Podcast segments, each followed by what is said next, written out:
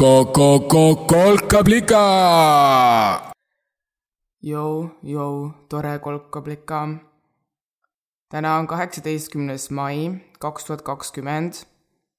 minu nimi on Liina, kutsun endki kolkablikaks ja olen täna siin, et tuua sullegi ehk tulu ehk taipamist. kuidas läheb? ma olen siin mõelnud, et vaat siis on elu raudpolt keevitatud kindlalt okidoki, jumala oki, kui, kui, kui kokkamine köögis võtab tagumikku rappuma. olgu, olgu tegemisel hommikusöök või lõunasöök või õhtusöök või see äärmiselt vajalik kesköösnäkk, mille tõttu ma üldiselt hommikusööki ei söö. kui see tegevus, kokkamine iseendale ja ehk või võib-olla ka teistele, vahet pole, kui see tegevus, elujaksu meisterdamine, mida söök ju on, vähemalt kehalisel tasandil, et kui see tegevus on nii kerge, nii murevaba ja rahu täis, et niisama kõrvale võib veel raadio või kolbatümpsu rütmis puusa keerutada, et vot siis, et vot siis, siis on elu okidoki jumala oki. klassikaline tore T-O-R-E. tere, olen rahul elamisega mis sa arvad? kas sa, kartulilakk, ka keerutad vahel supipoti kõrval puusa? kui vastasid jah, tere tulemast klubisse.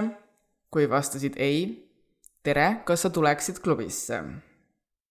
kutsun sind klubisse, sest tead mis ma olen välja mõelnud? erinevalt kõigist teistest mitte okindusse kukkunud tegevustest, mille puhul mitte okindusse kukkunud tegevusest tuleb teha paus, tuleb võtta paus ja tegeleda millegi muuga, et mitte oki iseenesest saaks okiks või siis veel parem jumala okiks paraneda. siuksed olukorrad on üldjuhul näiteks kõik korrad, kui töö viskab kopa ette, siis tuleb lihtsalt mitte tööd korraks teha, on ju. või kellel seda nüüd kuulda vaja on, siis kui mõni inimene viskab kopa ette ja nagu ei jaksa temaga enam tegeleda, minul on seda vaja kuulda, siis võib tast ka pausi võtta. ja siukseid olukordi sul tuleb ilmselt ka nüüd endal ette, mis võiks sinna kuuluda, on ju, kus nagu paus tegevusest on lahendus. kokkamine iseenesest ja ma ei räägi siin mingi sajaastmelise koogi küpsetamisest või ma ei tea, Napoleoni tordi tegemisest, mis vist enamikule meist tundub nagu võimatu ettevõtmine. piisab ka võileivast, on ju. kokkamine, ka siis, kui sunnid end kokkama, kui sunnid end kokkamist nautima ehk kokkamine, kus võtad aja maha, parandab nii suhet kokkamisse endasse, kokkamisse endasse, sest vähemalt minu puhul, kui kõik ülejäänud asjad on jooksnud kokku mitte okisse ja ma olen väsinud, ei taha midagi teha, siis kokkamine, endale toidu tegemine on nagu viimane asi, mida ma teha viitsin. aga parandab suhet ka kõigisse teistesse tegevustesse, mis väljaspool toidu tegemist on mitte okindusse kukkunud.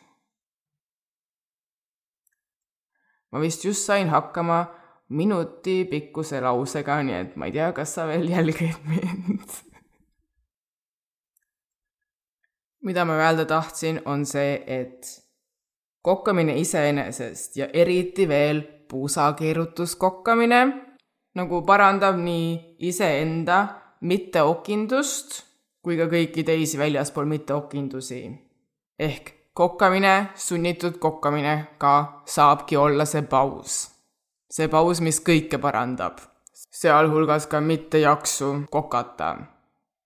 siin on nagu mingi eriline iroonia, eks, et elujaksu meisterdamine parandab elujaksu. see ei ole tegelikult iroonia, see on loogika, ei ole või? Kui ma hakkan elujaksu meisterdama, siis elujaks ju tekib, on ju.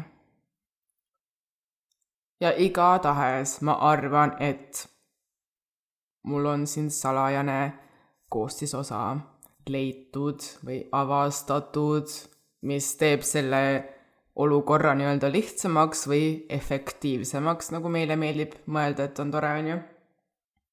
sa juba tead ju, mis on see, on ju? see on puusanõks. Puusanõksuga võileiva tegemine, sest ma tõesti räägin siin võileiva tegemisest. või ükskõik mis toidu tegemisest, just tegemisest. aga võtame näiteks võileiva. võileiva tegemisest, kus puusanõksud salvestuvad leivale määritavasse võisse, mille peale paned puusanõksuga salatilehekese, puusanõksudega lõikad endale juustu, puusanõksudega veel lõikad endale ka kurki ja puusanõksudega ehk raputad peale ka soola ja alles siis, miks mitte ka, puusanõksudega hakkad asja nautima. Versus siis see sjauh, sjauh, sjauh, sjauh, leib valmis, amps, amps, amps, nüüd on ruttu sees, mis nüüd saab?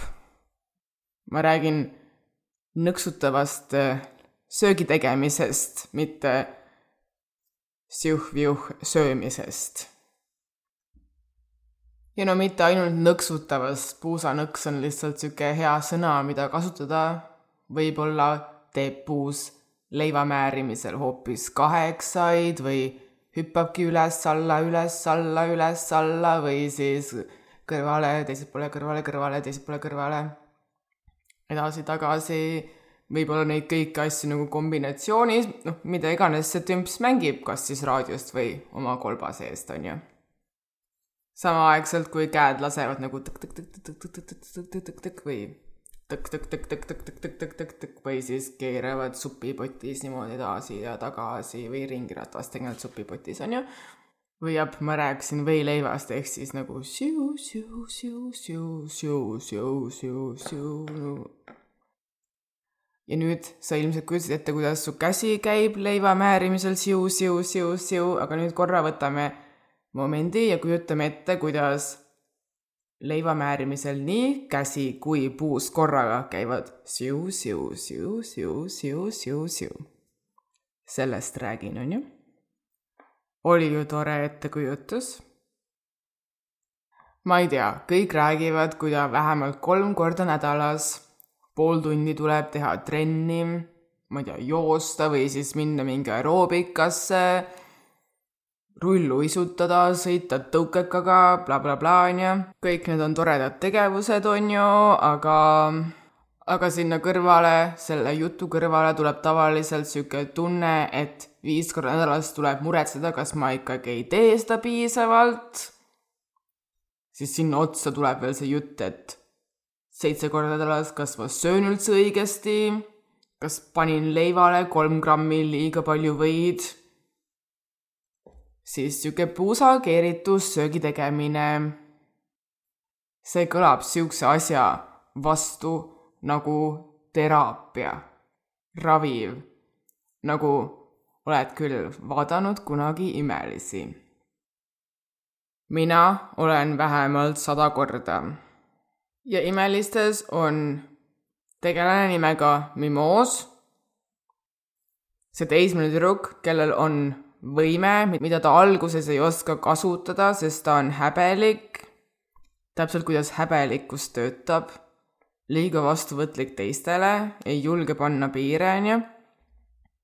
oled nagu, tead küll, et sus tegelikult on see võime olla nagu mingi šiuh, siit mu see kest läheb, siit sa ei tohi sisse tulla, aga oled natuke sihuke, et äkki mul pole õigust piire seada. äkki tal teisel on rohkem õigust tulla rohkem torkima. äkki see ongi see õigus, õigus lasta end teistel torkida. umbes nii, on ju. vahepala, see pole õige õigus.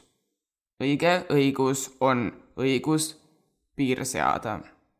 õige õigus on panna see piir nagu mimoos. Filmi lõpuks ta õpib ära, kuidas seda kasutada ja tema võluvägi või imevägi siis on äh, see, et ta suudab enda ümber tekitada niisuguse välja või nagu kera, mis näeb välja veits nagu oleks niisugune lima. ma olen igatahes otsustanud, et mina mõtlen sellest kui limast. muideks, hästi oluline selles filmis on see koht, olukord, et ta ema julgustab Mimoosi oma maagilist limakeste kasutama. ema ütleb, et Mimoos sa pead nüüd oma limakesta välja laskma. võib-olla natukene liiga kurjalt, aga noh, vahel peabki ema kuri ka olema. eriti kuna tol hetkel nad üritavad päästa veits tohmu olnud isa, on ju, ema, teismeline tütar, veel väiksem poeg, kõige minim poeg kuulab kodus Mozartit. on ju, oli Mozart või? ma täpselt ei mäleta. igatahes sel kriitilisel momendil, kui tuleb veits tohmunud isa päästa, ema siis ütleb, Mimoos, see on sinu võime, see on sinu võime tekitada endale ümber see limakest. ja hetkel me vajame seda jah, veits tohmunud isa päästmiseks, aga tegelikult ka väljaspool, kuna see on sinu võime. sul on õigus seda kasutada, kasuta oma võimet. lase välja limaskest enda kaitseks. lase kohe suurelt ja uhkelt ja siis naudi ka seda, kui ilus see limaskest on päikse käes näiteks, kuidas sinna tekivad siuksed valged täpikesed peegeldusest, kui ilus, ilus, ilus see on. lausa sillerdab. ja siin on kaks põhjust, miks see on oluline koht. esiteks sellepärast, et on väga tihti vajalik, et keegi teine tuletaks meelde, et meil niisugune võime on. väga tore on, kui selleks inimeseks on ema, noh, miks mitte ka isa, kui isa poleks selle mehikese vangis, on ju. aga kui ema ei ole või õde, kes mulle seda hiljuti meelde tuletas, et võib limakesta välja lasta siis piisab ka suvakas, ma võin olla see suvakas, sul on ka see võime. otsi üles oma võime ja siis kasuta oma võimet. Sest kui võime on olemas, siis võime on kasutamiseks. eks ole. teiseks on see koht oluline, sest see on üks kohtadest filmis, mistõttu imeliste film läbis Pehteli testi edukalt. kas tead Pehteli testi? Pehteli test mõõdab naiste representeeritust narratiivses loomingus, näiteks siis filmides või raamatutes, üldiselt siis nagu lugudes. et mingi lugu, film, raamat Pehteli testi edukalt läbiks, tuleb lool täita kolm tingimust esimene tingimus neist on, et loos oleks vähemalt kaks naistegelast ja oleks veel nagu eriti lahe ka, kui nad oleks nimetatud, kui neil oleks nimed. Imelistes on naisi küll, ema Helen on ju, Mimoos, muidugi Edna ja noh, tegelikult ju ka veel Mozartit laskev lapsehoidja. teine tingimus, mida tuleb täita, et Pehteli testi edukalt läbi teeks. Need kaks naist peavad omavahel rääkima, vestlema. ka selliseid vestlusi on imelistes, sealhulgas ka see kõige ägedam mine, võitle, võida ja kui tagasi tuled, siis helista mulle, ma naudin meie vestluseid. kolmas tingimus, mida tuleb täita, on see, et see vestlus, mis toimub kahe naise vahel, peab olema mingil muul teemal kui mehed. Need kaks naist peavad rääkima millestki muust kui meestest. ja kui tehniliselt võtta siis see vestlus, kus Edna ütleb, et mine võitle, võida, samal ajal Helen nagu siiski räägib oma mehest. noh, nad räägivad nagu üksteisest mööda aga noh, vot siin ongi see, siin tulebki sisse see, miks Mimoosiga vestlused on olulised, sest need on momendid, kus ei ole teemaks mehed ja tänu neile momentidele imelised Pehteli testi edukalt ka läbivad. See on väga lahe test väga, väga, väga, väga paljud filmid ja raamatud ja lood üldiselt kukuvad testis läbi. täiesti uskumatu. nagu naistel oleks ainult meestest rääkida. järgmine kord, kui miskit loed või vaatad, proovi ka. vaata, kas loos on vähemalt kaks naist, eriti äge oleks, kui nad oleks nimetatud, neil oleks nimed, kas need kaks naist räägivad omavahel ja kas nad räägivad millestki muust kui meestest. okei okay., ma jõudsin Pehteli testini. kust ma tulin? imelised, mimoos, mimoosi limakesta kaitsevõime, mis meil kõigil olemas on. aa ah, jaa, miks ma hakkasin rääkima imelistest täpsemalt mimoosi võimest tekitada enda ümber selline limalik sfäär, millest midagi sisse ei taha tulla, sellepärast mulle just meeldib ette kujutada, et see on lima, sest noh, isegi mõni, noh, kes ikka tahab mingisse limasse sisse nagu äh, minema hakata, on ju. limast ju ikka nagu pigem hoiaks eemale. nii et kui kujutada ette, et mind ümbritseb sihuke limapall no sa ise ei pea seal see sees lima sisse lämbuma, see on ka su kujutluse võime, et see on umbes ainult nagu sihuke osoonikiht, millest kahjulikud elemendid läbi ei tungi, ei saa, nagu maad ümbritseb osoonikiht, on ju. samas soojus ja päikesevalgus ja need toredad asjad saavad nagu sisse tulla sealt, on ju. ongi nagu sihuke jah, isiklik, osoonikihilik limapall. limapalli puhul on nagu tore ka veel see, et kui nagu kergelt nagu sihuke poolvedel lima on ju, ja hästi särav, siis on hästi ilus seda vaadata, siis on hästi meeldiv ette kujutada endale seda ümber ka, lausa sillerdab, on ju. aga sihuke pool vedel või nagu vedeliku laadsema poole rohkem eh, lima peale selle, et on nagu rõve, keegi ei taha sisse tulla sealt, ta parandab ka oma nagu osooniaugud iseenesest ära. vähemalt mina usun seda. sest ma ei pea nagu nii palju muretsema, et kas äh, limapallis äkki auke pole. väiksemad augud parandab ise ära. aeg-ajalt muidugi peab siis jälle nagu uuesti keskendunult ta välja laskma. Limapalli. sest noh, kõik kõik halvad mõtted ja tunded, mis mul on, ei pärine väljaspoolt. ma tean ühte väga osavat halva tunde, mõtte kokkajat selle limapalli keskel. ta nimi on Liina. seetõttu mulle meeldibki mõelda, et mu limapalli väljalaskmise praktika töötab kahe, kahtepidi, esiteks kaitseb väljaspoolt, teiseks nagu viib kõik sisemise sitaga tol hetkel välja. tavaliselt siis mul on ka nagu vaja keskendunult mõelda sellele sitale, mida ma tahan limaga lendu lasta. okei okay,, see ei kõlanud praegu üldse hästi. see kõlas nagu pasarahe. ütleme siis lihtsalt ilusamini kõik ebameeldiv, kõik ebameeldiv igasuguste muude praktikatega, kus tuleb ette kujutada, kuidas sa saadad kuhugi ära oma halvad või noh, mitte nii toredad mõtted ja tunded. mul on alati mure, et äkki ma saadan need siis kellelegi teisele. ja no kui mina tahan neist juba lahti saada ja need on halvad tunded, siis jaa, okei okay,, mingi kaltsuka loogika järgi on see, et nagu asi, mida mina ei taha, ehk keegi teine tahab, aga ma tõesti ei usu, et keegi teine nagu niisama kogemata tahab minu halbu tundeid.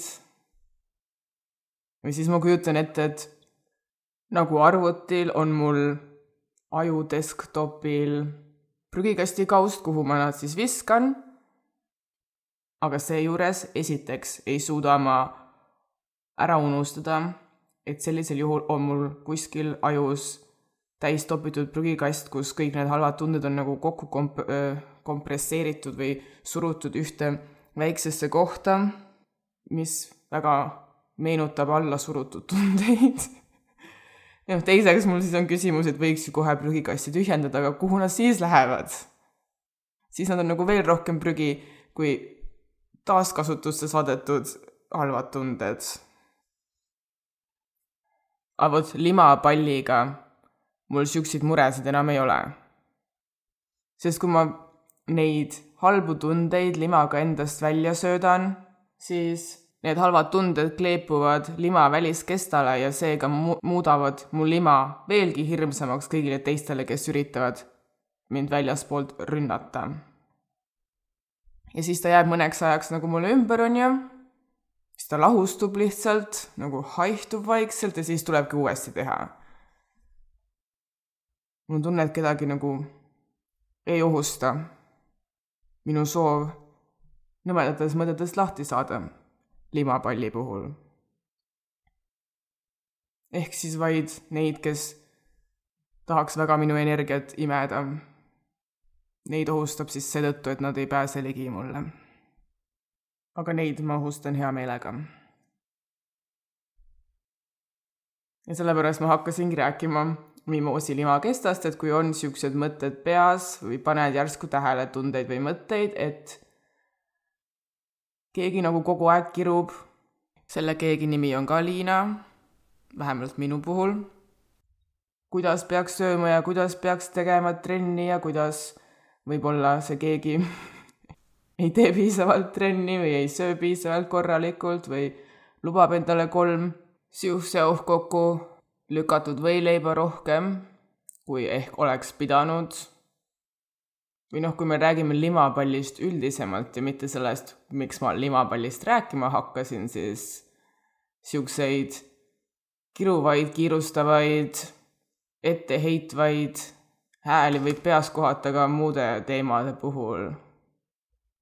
mis kell magama lähed, mis kell üles ärkad, kui sõbralikult tänaval tere ütlesid, kas teadsid ikka õiget asja, mida just tol hetkel öelda ehk oleks pidanud midagi muud ütlema ja nii edasi ja nii edasi.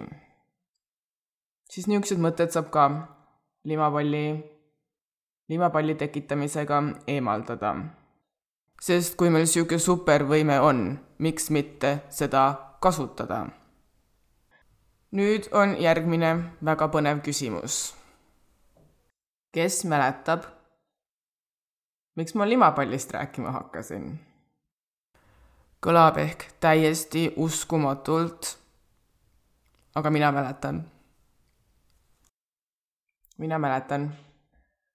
limapall, limapalli ettekujutamine, limapalli väljasööt on omamoodi kui teraapia mõtete, mis kiusavad vastu limapall on nagu sekkumine, sekkuv teraapia. ma jõudsin limapalliteraapiani aga läbi ühe teise teraapilise tegevuse. mis oli see teine tegevus? kokkamine, mis võtab tagumiku rappuma vaatame nüüd pärast mu kõiki kõrvalepõikeid natukene lähemalt ka esimest teraapiat, esimesena mainitud teraapiat. kui limapall on pigem sekkuv teraapia, siis teraapiline kokkamine musataktis puusapööretega oleks pigem genereeriv loovteraapia. puusanõksu teraapia on loovgenereeriv teraapia esiteks muidugi, sest sa kokkad ju endale või siis ehk ka teistele elujaksu. elujaksu kokkamine on juba loovtegevus iseenesest.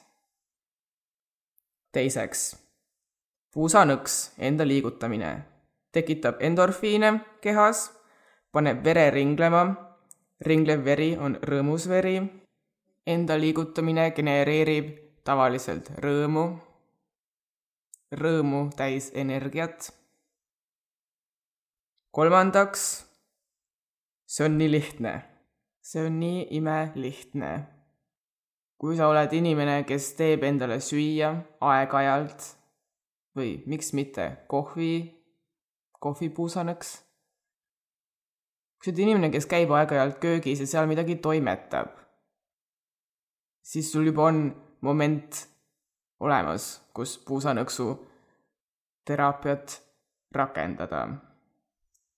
ehk kui vähemalt paar korda nädalas jõuad kööki midagi tegema ja paned raadio käima ja tuleb meelde, et oh, võiks ehk puusa, puusapöördeid ka juurde teha, siis põhimõtteliselt oled sa juba ka paar korda nädalas teinud trenni, kerget trenni, ehk ei pea ka muretsema, kas liiga palju liigutad.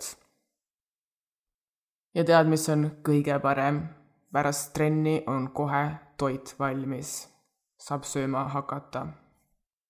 saab oma head, head energiat täis toitu nautima hakata. sest nagu ma ju ütlesin, puusanõksuga tehtud toit tavaliselt maitseb natukene paremini, sest kogu see puusanõksu rõõmus, tore energia on võileiba salvestunud. see on kõige parem osa. Tegelikult ma võtan sõnad tagasi. kogu protsess on kõige parem osa. ma ei tea, kui said enne kutseklubisse ja see kõik tundub naljakas ja imelik ja ehk isegi naeruväärne. proovi järgmine kord, vaata, mis saab. ma arvan, et sellestki võib saada sinu supervõime. Ma luban, kui oled asjas uus, alguses on tõesti väga imelik, ehk isegi kergelt naeruväärne imelik kindlasti, kahtlane. mõtled ehk, et no mida napakad ideed. ja puus ehk on isegi ettevaatlik, ei ole harjunud eriti keerlema. ehk isegi on piinlik. aga kui ei lase end sellest kõigest häirida, varsti tuleb sära silma ja hiljem särts suhu. seda luban ka ehk ka väike kommentaar, miks ma keskendun nõnda palju just meie keskkohale ehk tagumikule, Pepule, kui räägin tantsivast kokkamisest, kuigi see on minu arust ilmselge. tegemist on ju kokkamisega, on äärmiselt võimalik, et tegevuse ajal on sul käes näiteks nuga, riiv, koorija, lihanui, kõik need väga naiselikud terariistad, millega vehkimine võib olla päris ohtlik tegevus. ehk keskosa, keskkoht, puus, tagumik, pepu, kõige ohutum kehaosa, mida köögis tegutsedes raputada. oli ju ilmselge. ja kuigi oma unistustes elan ma elu, kus puusakeerutus kokkamise ajal tulebki loomulikult, sest noh, nii tore on lihtsalt elada. elu, kus ei ole stressi, pidevalt tekkivat ja elu ülevõtvat stressi, kus mitmel levelil korraga nautlemine ühes ajahetkes kohal olles nagu kogemata juhtub, tuleb loomulikult, selle nimel ei pea pingutama. Piinlikkusest ülesaamine näiteks on ka üks pingutusvorm, siis tõsi on ju ka see, et meieaegne elu tihti seda kõike eelnevat loomulikult ei tekita. pigem on loomulik see stressi tekitamine. pigem on loomulik stressi tekitamine kui see, et köögis kokkamine tantsima võtab. mis on väga kurb.